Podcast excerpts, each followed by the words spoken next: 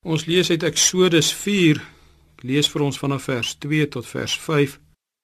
Daarop vra die Here vir hom: "Wat is daar in jou hand?" En hy antwoord: "’n Staf." En die Here sê: "Gooi dit op die grond." Toe gooi hy dit op die grond en dit het 'n slang geword en Moses het daarvoor gevlug. Toe sê die Here vir Moses: "Steek jou hand uit en gryp dit aan die stert." Hierop het hy sy hand uitgesteek en dit gegryp en dit het 'n staf in sy hand geword sodat hulle kan glo dat die Here die God van hulle vaders, die God van Abraham, die God van Isak en die God van Jakob aan jou verskyn het.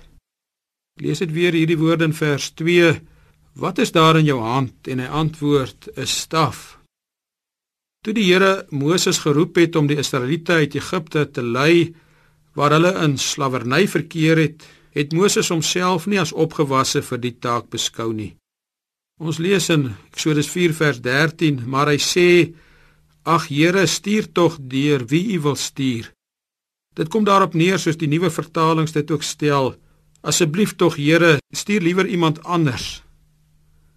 God was bewus van Moses se tekortkominge, maar hy was ook bewus van sy krag wat deur Moses kon werk.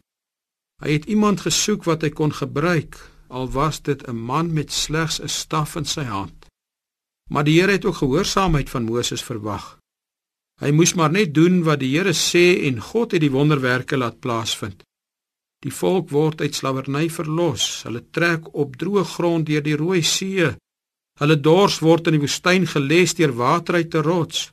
'n Goddelike wonder vind plaas elke keer wanneer Moses sy staf in die naam van die Here gebruik. Die staf het maar soos enige ander staf gelyk, met die verskil dat dit 'n instrument geword het waardeur die krag van God kon werk.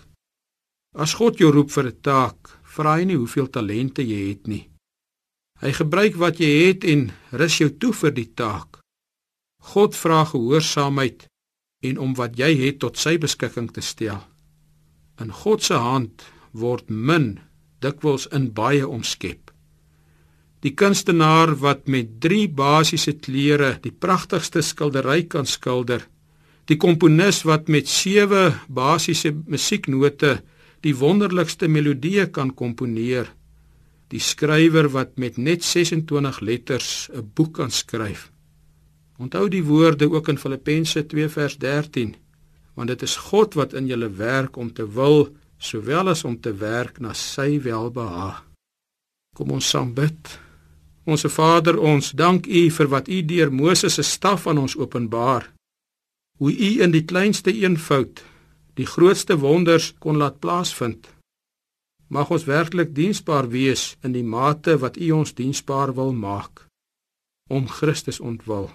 Amen.